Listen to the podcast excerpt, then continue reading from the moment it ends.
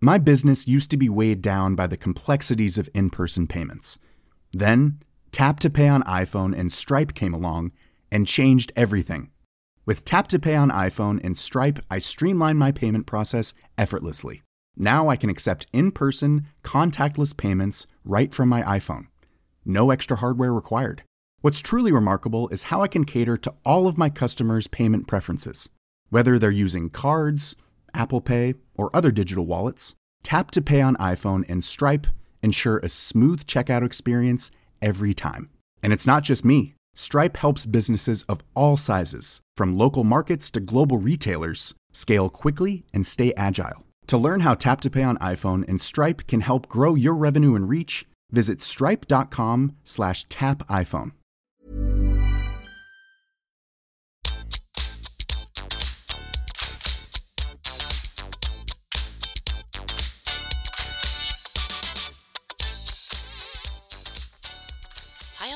sammen, og velkommen tilbake til podkasten Karriereveiledning med Elaine.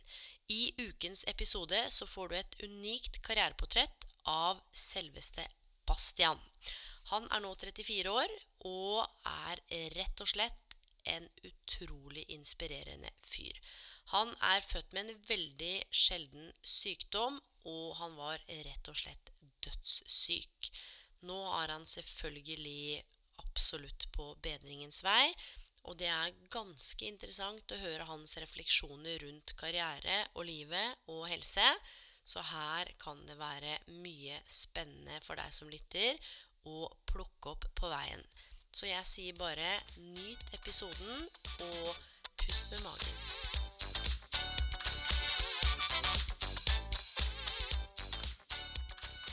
Hei, Bastian. Er du der?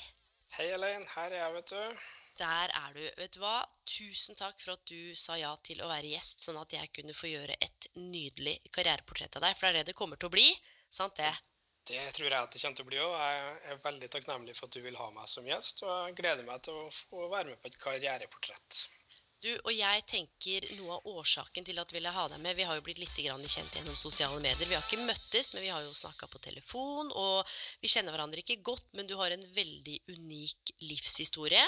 Eh, som også har påvirka karrieren din i en viss grad.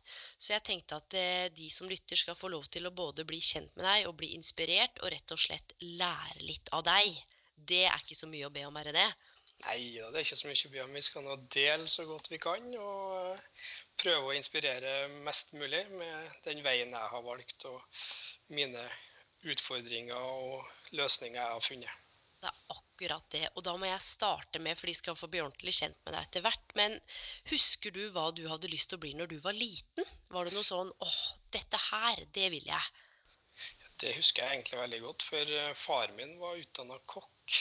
Og jeg likte ganske tidlig å være på kjøkkenet og holde på med mat. Og jeg likte å spise mat, og jeg likte å lage mat, og jeg likte å være på kjøkkenet. Så der var vel egentlig det grodd en liten spire som gjorde at jeg ble utdanna kokk. Og en ting til var at det var lite teori i den retningen, og dermed så passa det veldig godt for meg. Ja, og når du sier lite teori, hva, hva handler det om da? Altså, likte du ikke teori, eller hva?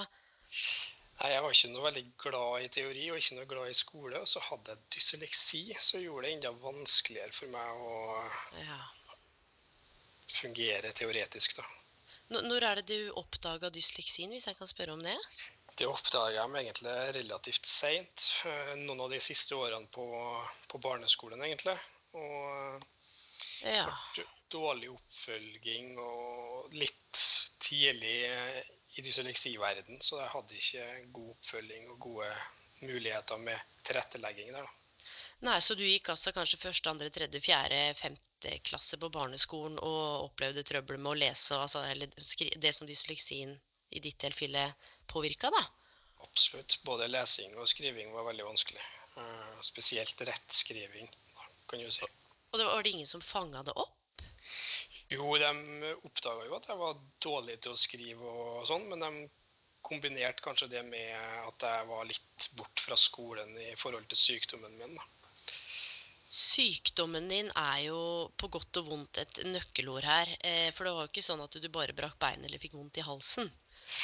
Nei, det var dessverre ikke bare det. Altså. Det var en sykdom som var medfødt, og som var usynlig i stort sett hele tida, men som gjorde at jeg var litt annerledes da, og var litt inn og ut av sykehus.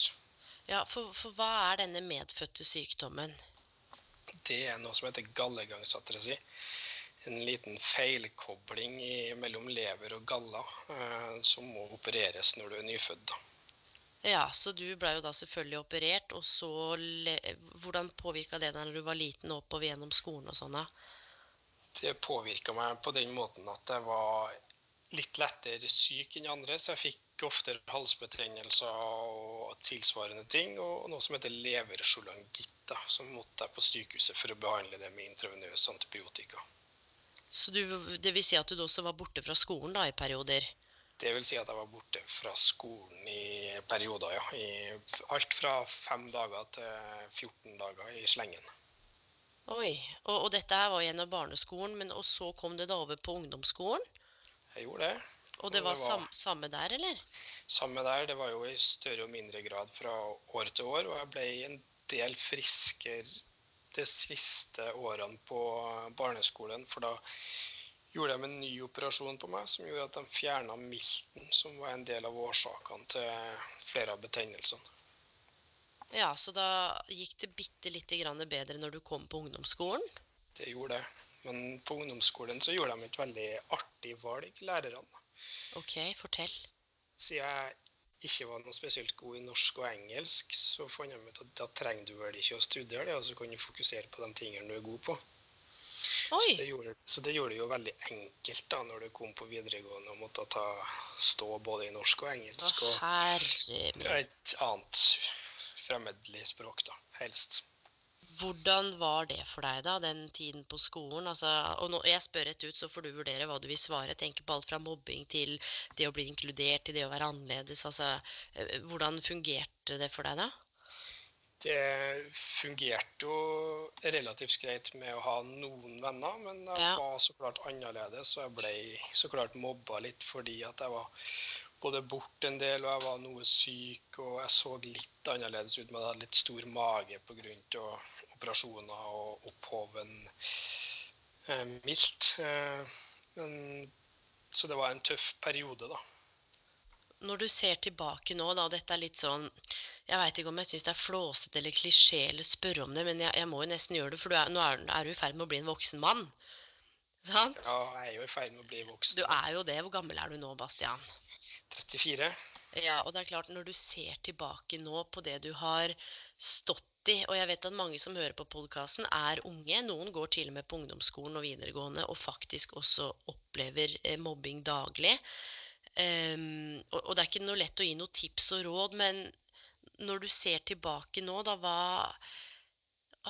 Skulle du ønske at eh, skolen hadde tatt tak, eller at du hadde sagt ifra? Eller er, er, det noe du kjenner Har du noe fornuftig å komme med til de som står i det?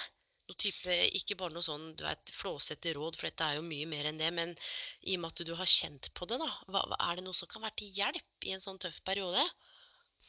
Det er veldig vanskelig å komme med noen råd som er veldig til hjelp akkurat der de er nå. Men mm. det med å holde seg til de vennene man har, og heller prøve å få én eller to gode venner enn mange dårlige, f.eks., er et råd jeg kanskje ønsker å gi. da. Og det der tenker jeg er et fantastisk råd eller tips eller en, en, refleksjon. fordi ofte så er det jo litt den fasen hvor man er i ferd med å finne sin identitet, og venner betyr veldig mye, og man ønsker å passe inn og være kul, og du veit hele den sjargongen der. Og noen ganger så er det kanskje nok, da, selv om ikke det oppleves sånn der og da, men med en eller to som du veit er der for deg, som du stoler på. Absolutt. Det kan være bedre det enn ti dårlige. Og en annen ting er at de som står i det nå, og som kan være heldige å komme ut styrka fra den situasjonen de er i, og takle vanskeligere situasjoner bedre enn andre i en senere anledning. Da. Ja, for det kan jo definitivt være en, jeg vil ikke si fordel, men det, det kan jo være en måte å se det på når man blir litt eldre og ser tilbake. Eh, men vi, og vi skal ikke bruke hele podkasten på mobbing, for det er jo et helt egentlig annet og stort tema. Men det er fordi du tok det opp, og det er jo sentralt òg. Men har det fulgt deg eller påvirka deg noe videre i karrieren din? Har det satt noe spor på noe vis, eller la du det på en måte fra deg når du gikk ut av skolen? Jeg tror alt vi opplever vil påvirke oss uansett, så jeg vil ikke si at jeg har lagt det fra meg, nei. Men at jeg takler det på en bedre måte i dag. Mm. Det, det syns jeg var et uh, reflektert svar på tampen, for du veit jo faktisk ikke helt hva jeg skal spørre om. Jeg aner ikke hva du spør om. Nei, og det er derfor jeg bare plukker opp trådene litt, og så blir jeg litt nysgjerrig, da. Um, men OK, så da du fullførte da videregående. Jeg gjorde det, men da besto jeg jo ikke med noe spesielt gode karakterer, og jeg strøyk jo i enkelte fag, da. Mm. Som jeg da ikke hadde eh, mulighet til å stå i med tanke på valgene de gjorde på, på ungdomsskolen. da. Ja, var det noen fag du likte bedre enn andre? På, eh, på videregående så likte jeg noe veldig godt eh, det som hadde med mat og matlaging og Ja. ernæring å gjøre. Eh, Ja. Og på ungdomsskolen og videregående så likte jeg veldig godt naturfag, da. Du, dette er jo litt interessant, fordi det er jo alltid noen fag vi liker og noen fag vi ikke liker. Og så kan vi se når vi ser tilbake på karriereveien vår at det kan være noen sånn kobling mellom interesser og det vi likte og hva vi kanskje ender opp med å gjøre. I hvert fall for de som gjør noe de liker å gjøre. For det er jo sånn at du er jo veldig interessert i både mat og friluftsliv nå, er det ikke sånn? Absolutt. Mat og friluftsliv eh, er veldig interessant, og det prøver jeg å utøve mest mulig av til enhver tid. da. Både å være ute og lage mat, eller å lage mat til andre, da. Og det er jo litt hyggelig å forene folk igjennom mat. Hva er det du liker å lage? da? Er det sånne gourmetretter, eller er det litt sånn enkelt og godt? Hva, hva, hva er det du liker? Det jeg hovedsakelig syns er aller artigst, er å lage ting som folk egentlig ikke liker, til å få dem til å like det. Det er den Oi. artigste utfordringa. Men eh, ellers liker jeg egentlig å lage det meste. Både det med å kanskje stå på kjøkkenet og bake over flere, flere timer, og lage mat som tar kort tid.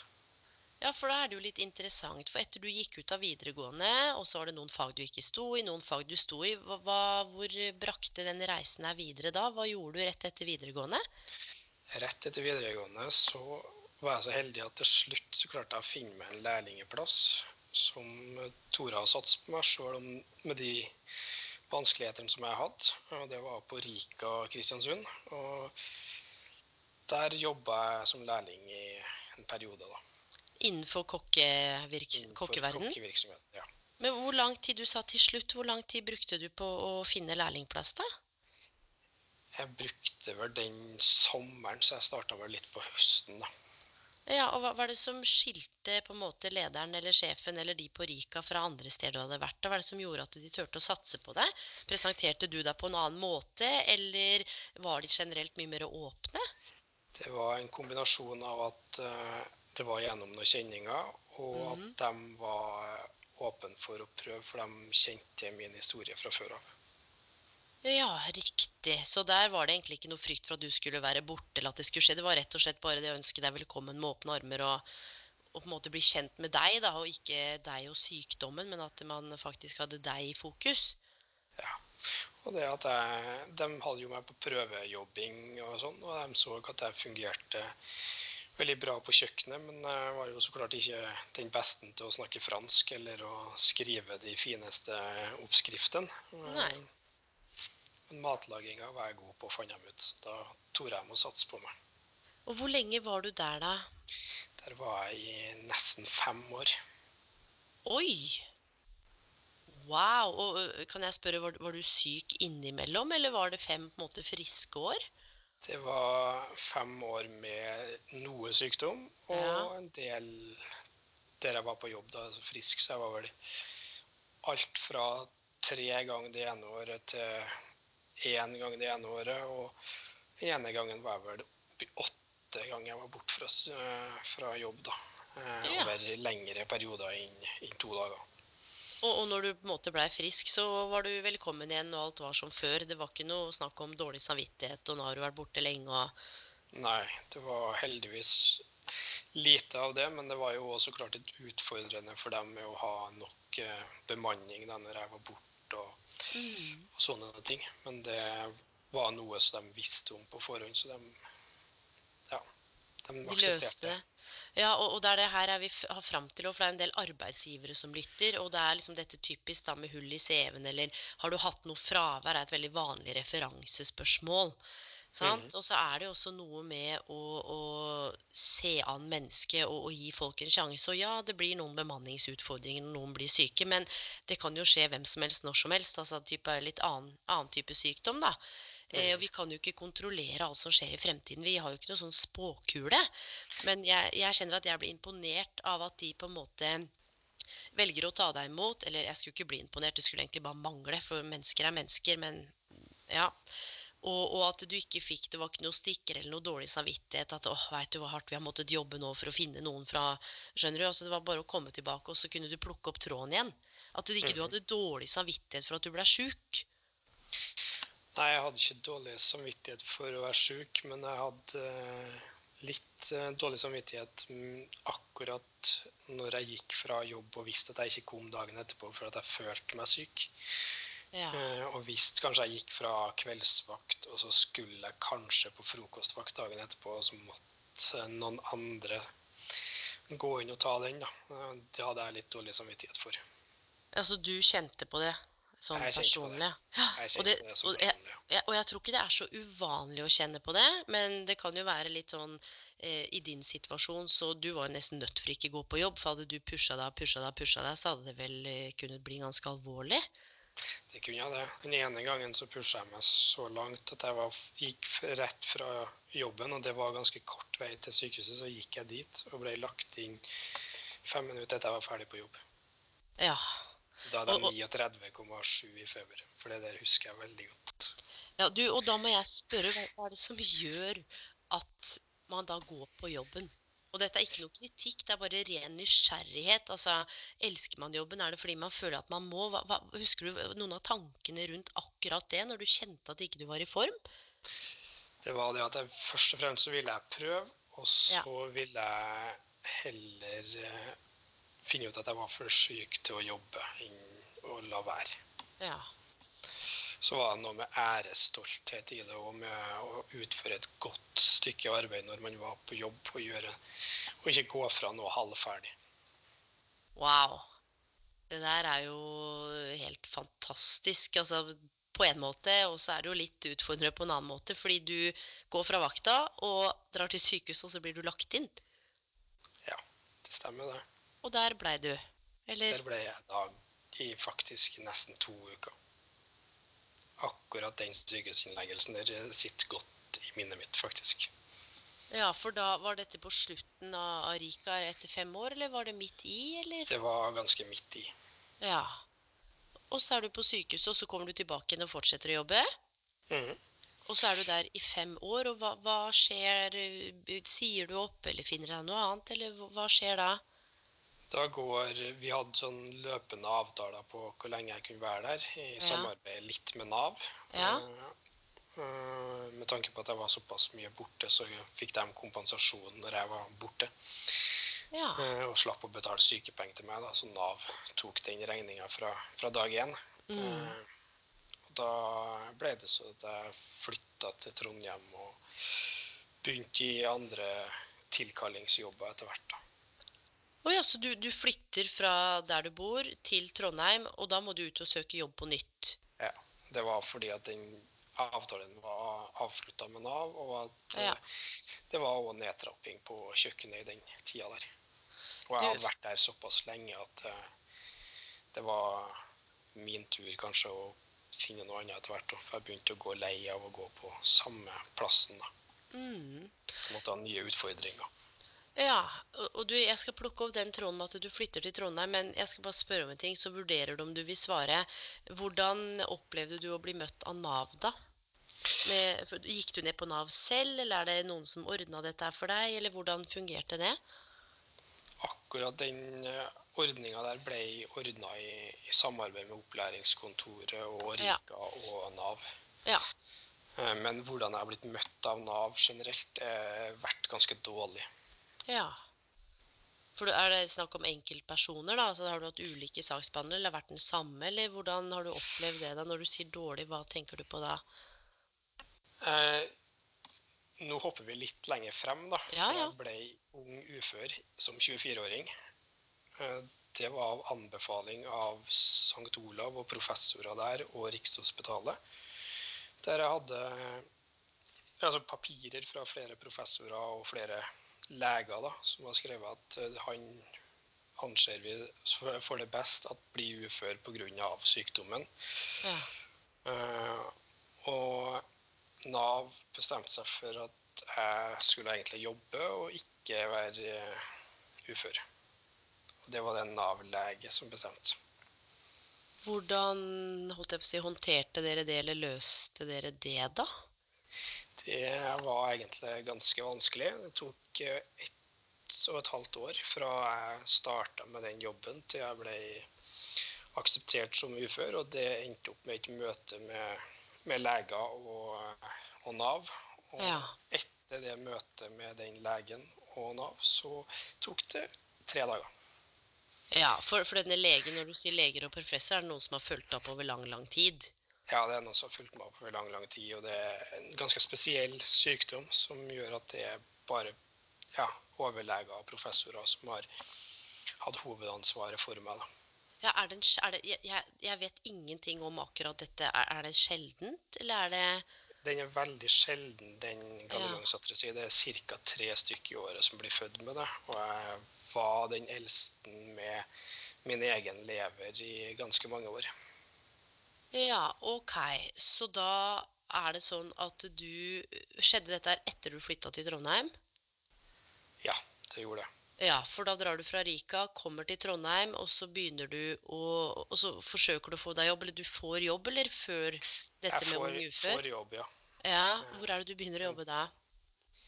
Jeg jobba på flere plasser samtidig med forskjellige ting. For jeg måtte jeg ingen som ville tore å satse meg på 100% så derfor så ble det tilkallingsvakter på flere plasser. Både bensinstasjoner, restauranter og, og barer. Ja, for du var åpen du da om at det hadde vært et sykdomsbilde. Ja, ja, jeg var fullstendig åpen om både sykdommen min og ja, at det var mulig å ordne et samarbeid med Nav hvis de ønska, og hvordan det har vært. Og hva, jeg, altså de kunne forvente. Og, og du søkte du 100 jobb, eller var det fast ansettelse du var på jakt etter? Jeg søkte egentlig veldig mye av det jeg kom over som var av interesse. Ja. Litt uavhengig om det var fast eller tilkalling. Ja. Men så ender du opp med å få Hva, hva er det du jobber med da? Bensinstasjon? Bensinstasjon, servitør og kokk samtidig. Oi! Og så. Du hadde tre tre jobber. Og så på et eller annet tidspunkt så kommer det noen papirer eller, som sier at det er, her er det ung ufør som utgangspunkt er det som Ja. Det Ja. gjorde det til slutt. Det var litt fram og tilbake, for jeg ønska jo ikke det. Jeg ønska jo å jobbe og være, være aktiv på den måten med å, å takle og tåle det. Men til slutt så var det den beste løsninga for meg da, og min sykdom. Ja, så da Du ville det ikke, men man du- tenker at det da det er det som er mest fornuftig, altså sånn helse fra et helseperspektiv. Og så går det tre dager etter det møtet, og så blir du ung ufør. Og hva, hva skjer da? da? I prinsipp så du kan ikke jobbe? Det første året når jeg ble ung ufør, så kunne du ikke jobbe det første året, men året etterpå. Da kunne du få lov å jobbe litt og tjene litt ekstra, men betale Ja. en del ekstra skatt. da. Ja. Eh, Så etter jeg ble ung ufør, så eh, har jeg jobba mye frivillig. Og jeg hadde små, små ekstrajobber som støttekontakt eller personlig assistent, eller ja, jobba med andre frivillige ting siden av. Ja, så, så, men, men det første året, da kunne du egentlig ikke gjøre så, noen ting? Nei, da hadde jeg ikke lov å gjøre noe jobb som var eh, inntjeningsmessig, da. Men jeg gjorde jo frivillige frivillige. ting. ja. Men hvordan, hvordan opplevde du det da? Og jeg vet ikke om jeg skal bruke ordet utenfor eller utenforskap, eller Men hvordan opplevde du det å på en eller annen måte plutselig ikke være aktiv deltakende i arbeidslivet i samfunnet. For veldig mange knytter jo identiteten sin ofte opp mot hva man gjør. Og det å ha noe å stå opp til som er meningsfylt å gå til. Hvordan, hvordan håndterte du det, hvis du ser tilbake på det året? Det håndterte jeg med å prøve å skaffe meg en litt ny identitet og endre litt livsstil. Og prøve å finne venner på andre områder og andre folk å møte. Ja, så du, så du var ute av huset, altså du var ute og gjorde ting i hvert fall? Ja, jeg klarte ikke å sitte i ro, nei. Nei, så du jobba frivillig. Hva er det du har jobba med da, av frivillige organisasjoner? Det er turistforeninger, og så har jeg jobba mye frivillig oppimot som assistent da, eller ledsager. Eh, Oi! Så det det jeg har brukt mye av min tid på. da. Du, Første, det de første årene, i hvert fall. høres jo i hvert fall for meg, dette er jo bare min, som veldig meningsfylt. Det er veldig meningsfylt å å hjelpe andre som er i vanskelige situasjoner. Så det, det er noe av det som jeg syns er veldig, veldig interessant og veldig givende. da. Ja, og kombinert med friluft, altså dette med naturen og For du sa altså Wow. Det, det krever jo litt guts, da. Jeg må jo si det. Å oppsøke frivillige organisasjoner og rett og slett tilby dine tjenester. Enda du har fått beskjed om at du er ung ufør. Noe må du jo gjøre for å møte andre folk og ikke bli isolert da, på en eller annen måte. Så det var viktig for meg å både komme ut og møte folk og ikke være isolert. da. Men hva, hva har på en måte vært drivkraften din da gjennom, på en måte gjennom dysleksien? Og du nevnte noe av mobbingen og dette med at du, du sto ikke noen av fagene. Men allikevel så har du jo på en måte kjempa og kommet deg til kokkelærling, og du velger å flytte. Du får tre jobber. Eh, du blir erklært ung ufør. Du begynner å jobbe frivillig. Hva er det som driver deg? Hvorfor gir du ikke opp? Hvorfor har du ikke gitt opp? Det som er- motiverer og inspirerer meg, er jo folk som får til ting som kanskje har dårligere forutsetninger for å klare det enn andre. Da. Så Ja. bare bruke den evnen man har til å hjelpe andre og, og vise andre Kanskje får til en enkelt, en enkelt person til å føle seg litt bedre ved å, ved å gjøre noe for dem. Da. Mm. Og ikke minst gjøre noe sammen med dem, da. Og gjøre noe sammen med dem, og, ikke minst. Mm. Så drivkraften din er jo rett og slett eh, Handler det om å bevise for deg sjøl, eller handler det om å, å, å bety noe for andre? Er det noen som har sagt at nei, dette klarer du ikke, nå må du liksom Det er ikke noe vits for deg. Nå er du ung ufør, bare ta de penga og sett, sett deg ned og slapp av. Altså, det har jo kommet bemerkninger om at det kan være lurt, eller kan være Ja, andre folk ville ha vurdert å gjort det, da. Men Ja. jeg vil heller bruke tida mi på, ja, på å inspirere og, og gjøre ting, da. Mm. Og, og nå som du er 34, da, også hvis du ser tilbake til når du var 18, hva, hva ville vært på en måte det beste rådet til 18 år gamle Bastian? Hvis du skulle gitt deg selv noe sånn «Tjo, Dette her.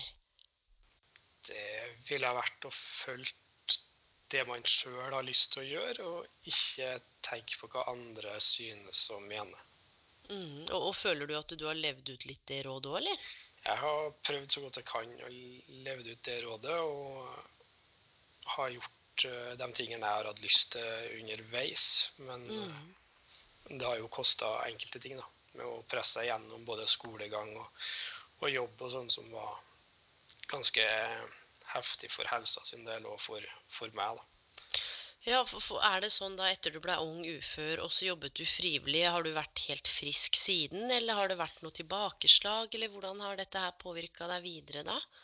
Det har påvirka meg på den måten at jeg fortsatt har vært inn og ut av sykehus, men Ja. eh, da har jeg hatt tiden min og, og, og energien min til å gjøre ting jeg ønsker å gjøre, i stedet for ting jeg må gjøre. da. Ja.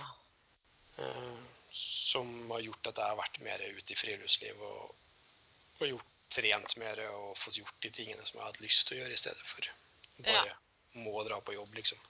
Og det har jo også en, en forebyggende helseeffekt, spør du meg. I hvert fall uh, igjen, da, hvis du er ute i naturen. uh, ro, altså luft. Det er jo ganske mange fordeler ved å komme seg ut og være aktiv, så fremt kroppen uh, tåler det, da. Absolutt. Du finner både ro og mestring og tid til å tenke deg om i naturen. Altså. Så jeg anbefaler alle sammen til å ta seg en tur ut, og kanskje gå seg en tur alene Mm. i naturen. Mm. Men så var det jo sånn også at på et eller annet tidspunkt, så hvis du ønsker å snakke om det, må du velge, så var det noe med i forbindelse med noe transplantasjon, var det ikke det? Absolutt. Det var i 2018 så ble jeg transplantert. Og det Ja. var av den levra som var syk. Mm. Eh, Og da lå jeg på sykehuset ganske lenge og var veldig syk. Og var veldig nær døden, egentlig. Og etter en del måneder så fikk jeg et uh, organ, en ny lever, Ja. som har forandra livet mitt helt og snudd det helt opp ned. Jeg har fått tilbake energien. Jeg har uh, Wow. trent meg opp igjen til å bli uh, Ja, fungere i, i det hverdagslige. Og få komme meg ut på tur igjen. Og gjort alle de tingene som jeg hadde eh, drømt om da når jeg lå på sykehuset. Sånn som jeg drømte veldig mye om. De turene jeg ikke hadde gått, Mm. som jeg ikke hadde prioritert. Og nå har jeg prioritert det da, og blitt turleder for Turistforeninga. Wow. så det har vært veldig, et veldig innholdsrikt de siste ett og et halvt årene. da. Ja, det kan du jo godt si. Definitivt. Så du har altså fått transplantert ny lever, og, og da må jeg jo spørre deg i forhold til dette med organdonasjon, da. Har du gjort deg noen tanker rundt eh, det, naturlig nok? For det er veldig mange som jeg tror har hørt om det, men som ikke tenker over det, og som heller ikke så ofte treffer noen som har vært mottaker av et organ. For der, er, du, kan du velge om du skal ta det imot? Altså er, jeg skjønner at man kan ikke tvinge det på deg, men du får på en måte at nå har vi et organ, er det noe du ønsker å ta imot? At du får en valgmulighet? Du har jo så klart en valgmulighet, for du er jo sjef over din egen kropp. Men Mhm. Først, før du kommer på ei sånn venteliste der du står for å motta et organ, da, Ja. så må du på Rikshospitalet gjennom en sånn kontroll for å bli målt og veid og tar en del undersøkelser og sånn for å se hvilket organ som passer til deg, og altså vevstype, blodtype og mm. størrelse og det der. Og Ja. da, når du har sagt ja der, så er det endelig har bestemt deg for det, så er det, er det egentlig når de ringer deg, så reiser du og får bli transplantert. da. Men er det sånn da, for da venter du jo på lever, ble livet ditt satt på vent, eller var du fortsatt i naturen? Hvordan sysselsatte du deg i den perioden da? De ni månedene som jeg var syk, Ja. så lå jeg på sykehuset. Ja, så du, Og- du var ikke inn og ut, du lå på sykehuset de ni månedene? Jeg lå innlagt på sykehuset i ni måneder minus fem dager der jeg bestemte sjøl at jeg ville hjem på juleferie, som ikke var fornuftig Nei. i ettertid. I etter, etterpåklokskapens ånd, ja. Ja, så kan vi si det at det var ikke så Det var ikke kjempefornuftig. så lurt.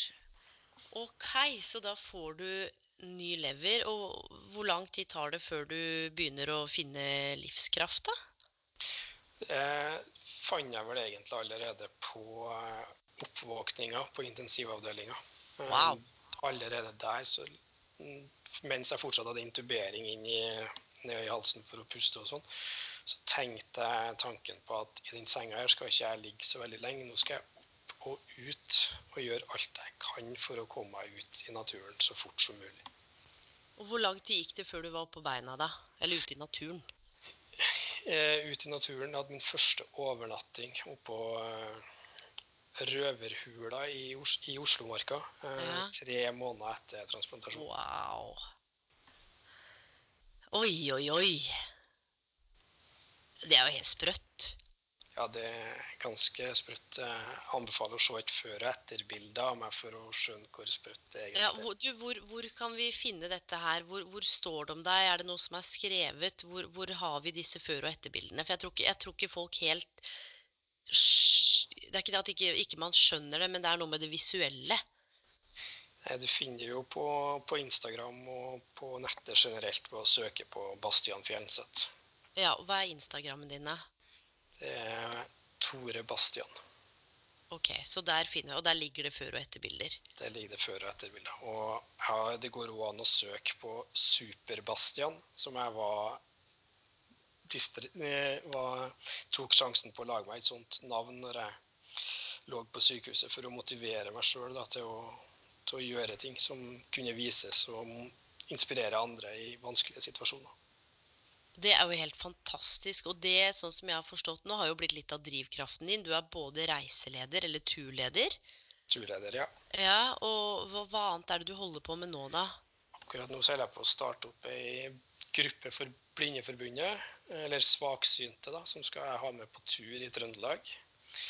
Og så driver jeg på å fronte stiftelsen Organdonasjon. Reiser rundt og holder foredrag om eh, det jeg har vært gjennom, og lærer dem om Organdonasjonsstiftelsen. Og lærer dem om hvordan organdonasjon gjennomføres i praksis, og det rundt det, da. Wow. Hadde du visst Altså, det du holder på med nå når du lå der i sykesenga, kan du liksom se for deg det? Nei, har jeg vært så smart jeg hadde sett for meg det, så har jeg kommet til å tatt litt flere bilder og litt bedre bilder og hatt de til ettertid. Ja. Men det er jo kanskje ikke akkurat det du tenker på da. Det handler kanskje om å ta en dag eller et minutt eller en time av gangen. Det handla om å ta noen dager, eller en dag om gangen, ja. Ja. Det gjorde det. Men, men er det sånn nå, er du fortsatt ung ufør, eller hva er status nå, da? Jeg er fortsatt uh, ung ufør og Ja. driver og søker litt etter nye utfordringer nå. Og da ønsker jeg jo helst å jobbe med folk, da, som er litt av min drivkraft, og mm. friluftsliv i en kombinasjon. Ja, så nå, så nå tenker du at du aktivt kan ut og i hvert fall begynne å søke litt igjen? Du kjenner at du er klar for det? Jeg er klar for å bygge stein for stein, hvis det er en arbeidsgiver som har Det kan jo være at det er noen som hører på, vet du.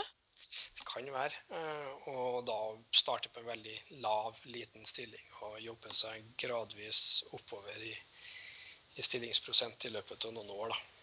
Ja, men Kanskje. når du sier lav stilling, er det type én dag i uka? Er det en halv dag? Hva, hva, bare i tilfelle noen lytter, altså hva Nei, det kan være en uke om gangen og lengre fri, eller det kan være Ja. en dag i uka, eller Det Ja. er ikke så viktig, men jeg, jeg trenger nok fortsatt den der tiden til å både prosessere det jeg har vært igjennom, og, og det med å kunne ha trene såpass mye for å beholde den eh, motivasjonen jeg har, da.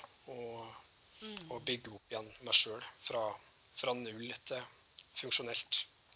Og Vil du si at du er på en skala fra 1 til 10, hvis sånn topp funksjonelt er 10 og 0, da, da fungerer du ikke? Hvor føler du at du ligger nå, da? Jeg føler at jeg ligger på en uh, sjuer. Wow! Og vi snakker halvannet år, liksom. Absolutt. Oi, hva altså Hvis jeg hadde vært arbeidsgiver nå, da, så tenker jeg herregud, altså Tenk deg den gavepakken, da, å få deg. Omsorgsfull, altså indre motivert, glad i folk, elsker friluftsliv.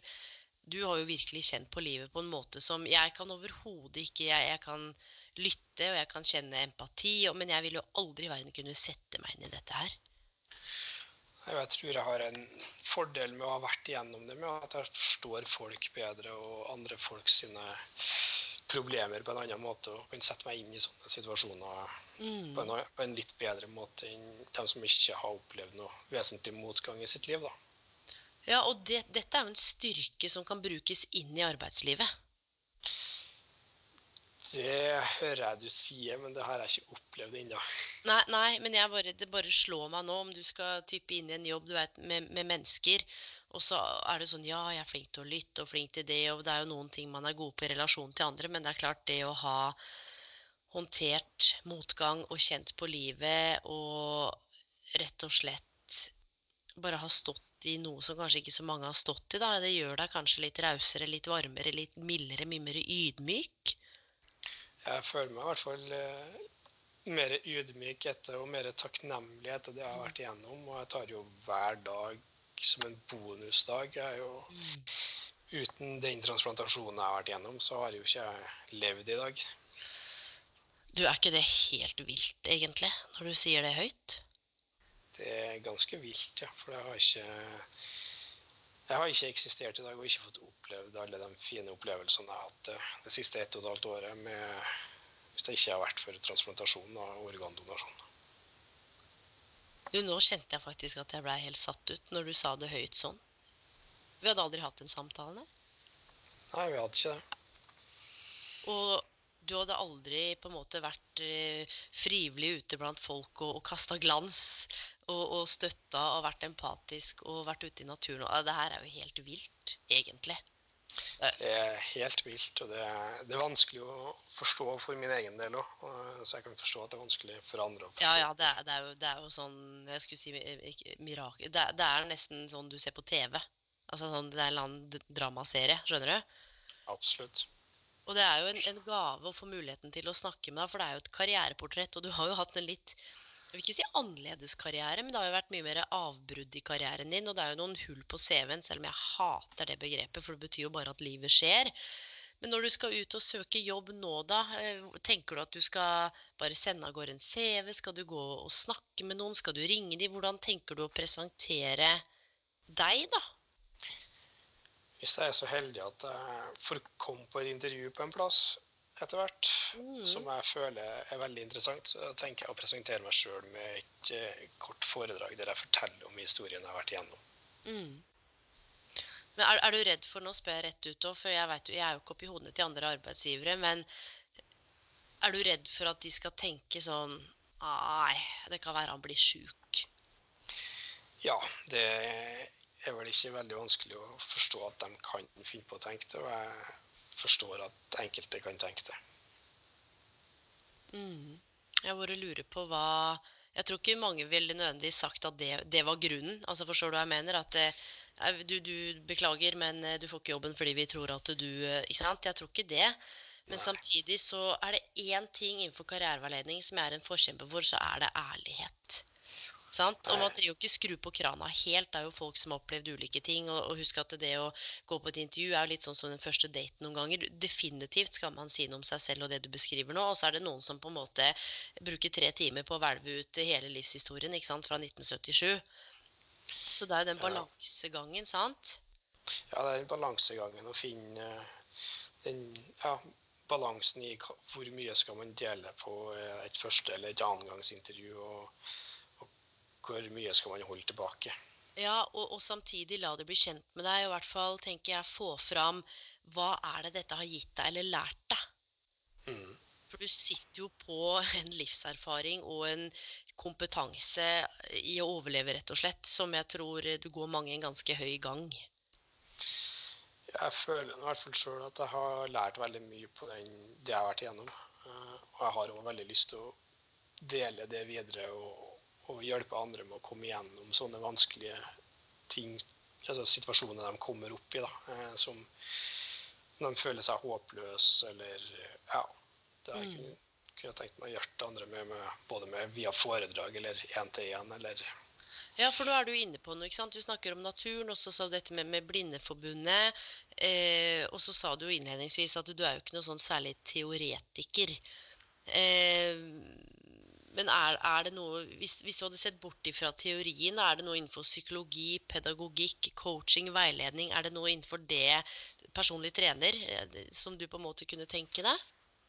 Jeg har tenkt mye på det der. Jeg kunne godt ha tenkt meg å vært både personlig trener og personlig coach. Og så har jeg også Mm. kunne tenkt meg å jobbe på en folkehøyskole som har friluftslivslinje.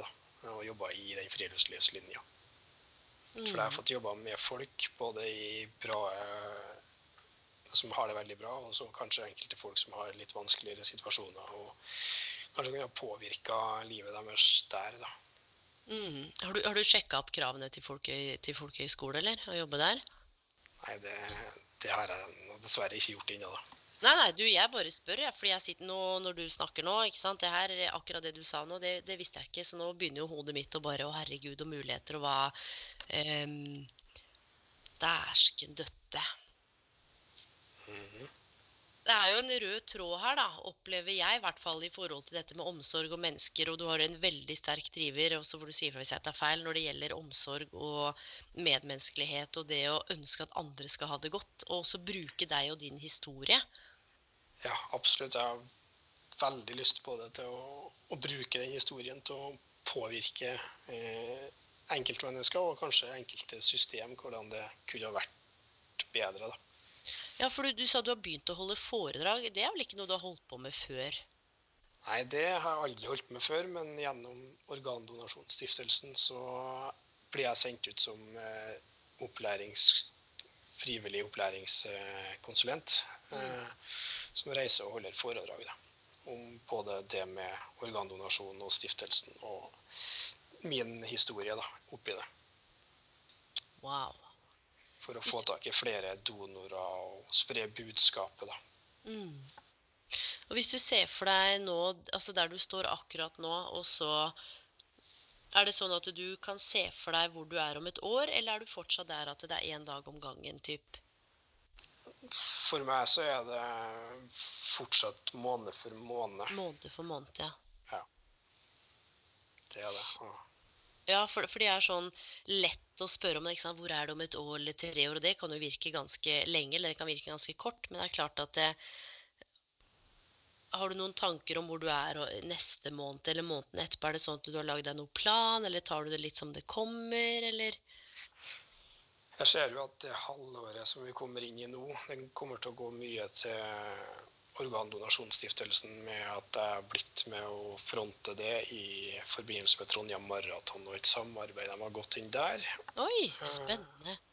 Så det ser jeg at går mye tid til det, og at det å være turleder for Turistforeninga og en del turer som jeg sjøl har planlagt, da, som jeg tenkte jeg skal gjennomføre i år. Mm. Og da, i en forlengelse av det, så har jeg lyst til å spørre deg, fordi jeg opplever dette jeg har sagt tidligere, at samfunnet til dels, jeg vet ikke om det er bra eller dårlig, men har blitt mye mer individualisert. Det er mye jag en del steder etter status og penger, og mye vil ha mer. Og man, man er aldri nok.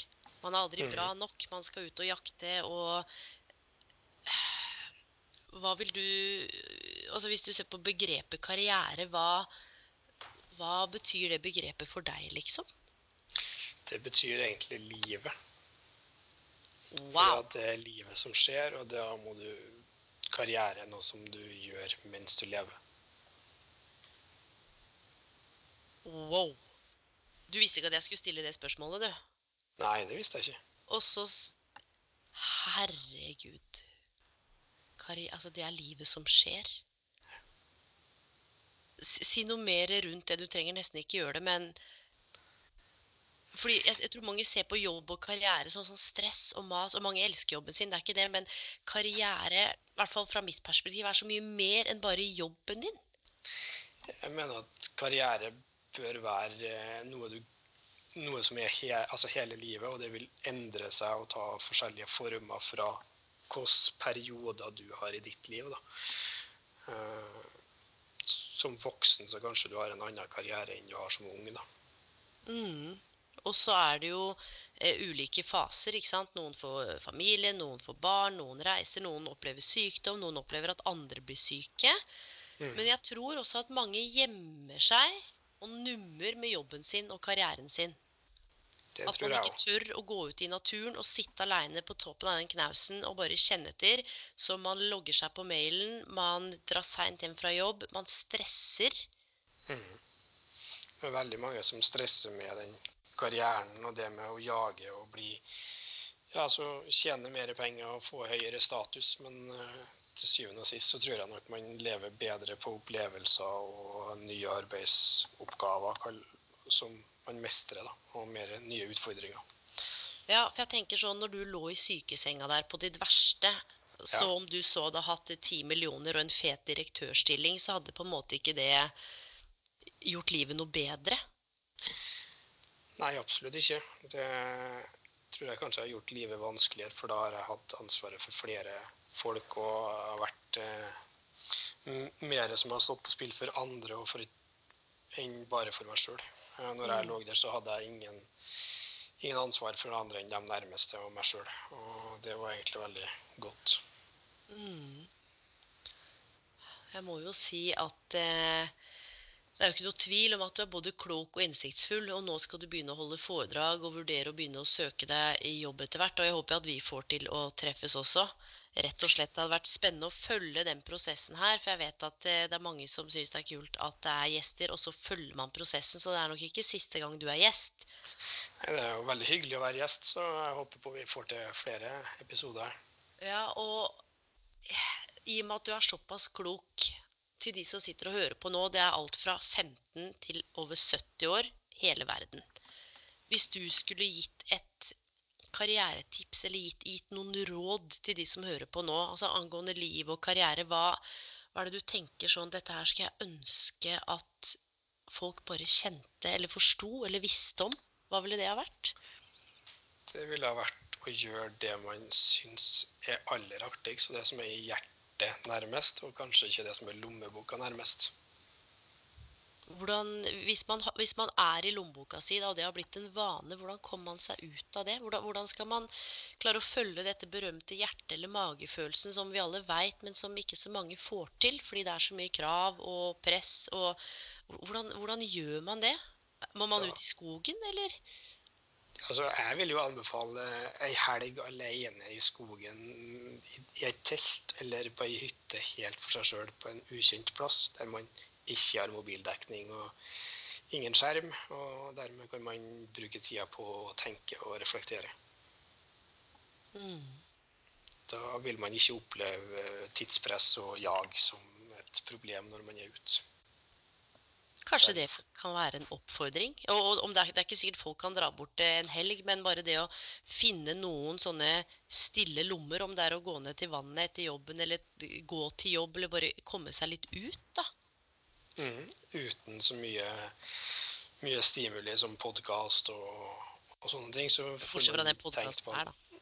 Bortsett fra podkasten her, da. Men, ja, ja. men uh, altså, til enhver tid så skal vi hele tida stimulere oss med skjermen eller med noe lyd eller noen sånne ting. Så det tror jeg det beste er å unngå det kanskje en liten, liten periode da, i løpet av en dag eller ei helg eller noe, for å mm. kunne tenke klart. Der sa du det. Det å kunne tenke klart, ja. Kjenne etter hva man føler og hva man vil. Hvem man er. Vet du hvem du er nå? Jeg vet at jeg er en person under utvikling. Ja. Er vi ikke alle det? Det var veldig godt svart. Ja, jeg tror vi alle sammen er personer under utvikling, og at vi vil endre oss gjennom tiden.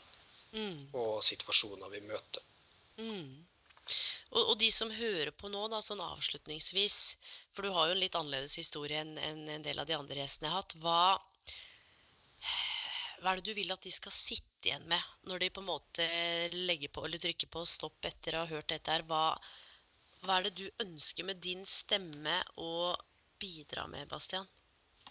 At uansett hvor håpløs situasjonen er, så kan man faktisk komme styrka og, og bedre ut av det. Mm. Og du er jo et lysende eksempel på det. Jeg er vel et levende eksempel, faktisk. Ja, det var det. Det var godt du sa. Jeg turte ikke si det, men det er akkurat det du er. Ja.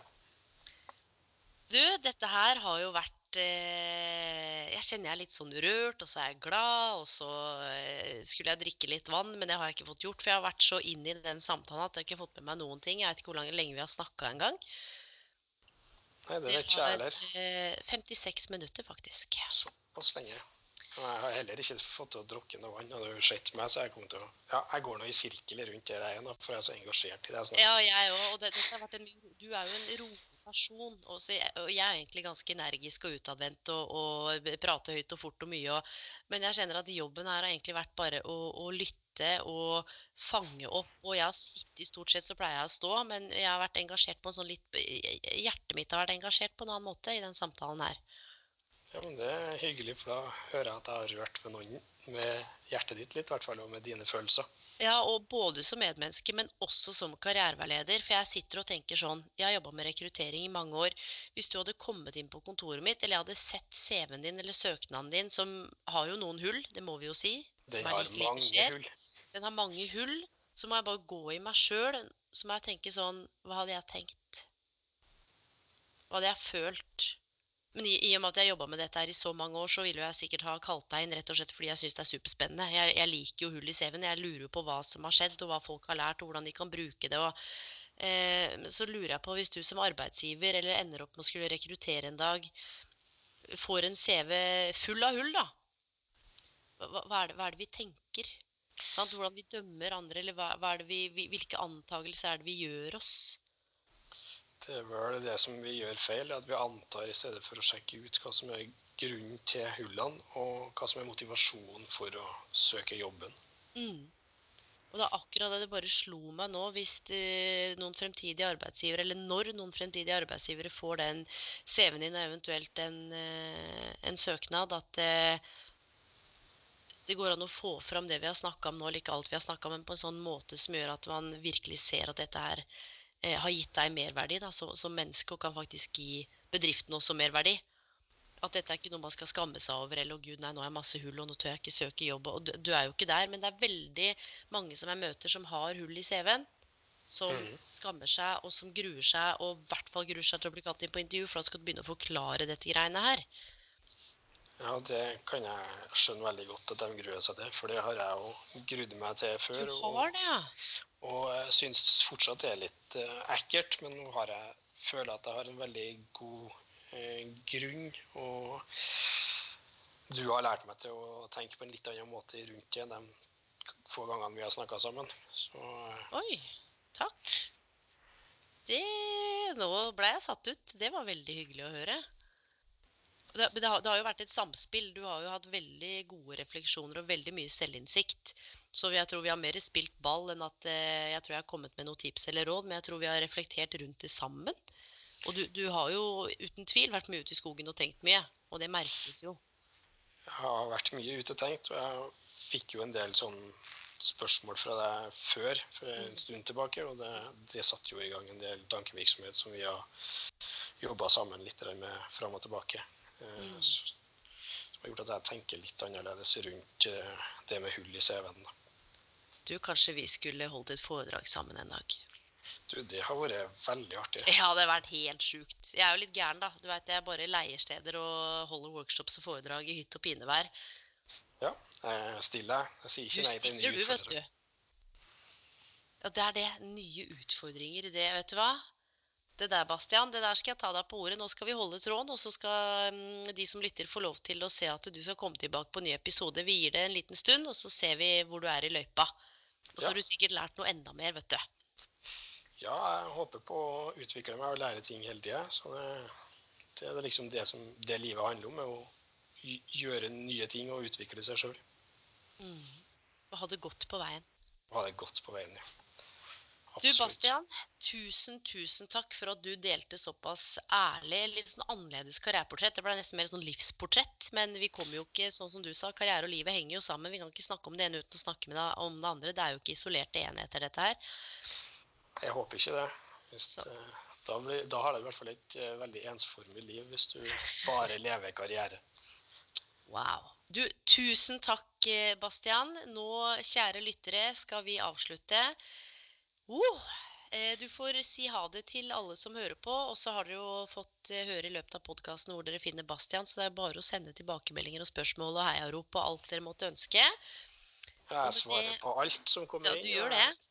Jeg sier tusen takk for at jeg fikk lov å være eh, gjest i podkasten din. Og så håper jeg på at noen har fått med seg et og annet tips de kan bruke sjøl i sin egen karriereveiledning og karrierereise videre.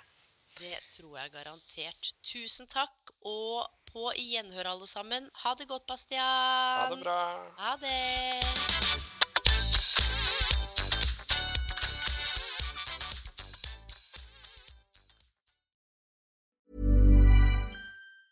Ever catch yourself eating the same flavorless dinner three days in a row? Dreaming of something better? Well, HelloFresh is your guilt free dream come true, baby. It's me, Kiki Palmer. Let's wake up those taste buds with hot, juicy pecan crusted chicken or garlic butter shrimp scampi. Mm. Hello Fresh. Stop dreaming of all the delicious possibilities and dig in at HelloFresh.com. Let's get this dinner party started. My business used to be weighed down by the complexities of in person payments. Then, Tap to Pay on iPhone and Stripe came along and changed everything. With Tap to Pay on iPhone and Stripe, I streamlined my payment process effortlessly. Now I can accept in person, contactless payments right from my iPhone. No extra hardware required. What's truly remarkable is how I can cater to all of my customers' payment preferences. Whether they're using cards, Apple Pay, or other digital wallets, Tap to Pay on iPhone and Stripe ensure a smooth checkout experience every time. And it's not just me. Stripe helps businesses of all sizes, from local markets to global retailers, scale quickly, and stay agile. To learn how Tap to Pay on iPhone and Stripe can help grow your revenue and reach, visit stripe.com slash tap iPhone.